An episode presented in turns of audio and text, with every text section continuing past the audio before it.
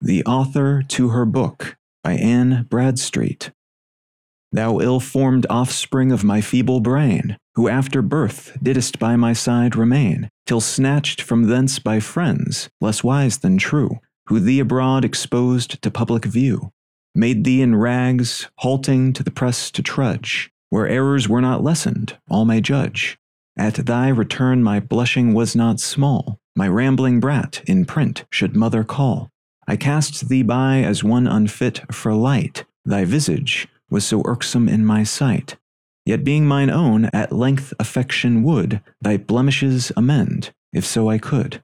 I washed thy face, but more defects I saw, and rubbing off a spot, still made a flaw. I stretched thy joints to make thy even feet, yet still thou runnest more hobbling than is meet. In better dress to trim thee was my mind, but naught save homespun cloth in the house I find. In this array mongst vulgars mayest thou roam, in critic's hand beware thou dost not come, and take thy way where yet thou art not known. If for thy father asked, say thou hadst none. And for thy mother, she alas is poor, which causest her thus to send thee out of door.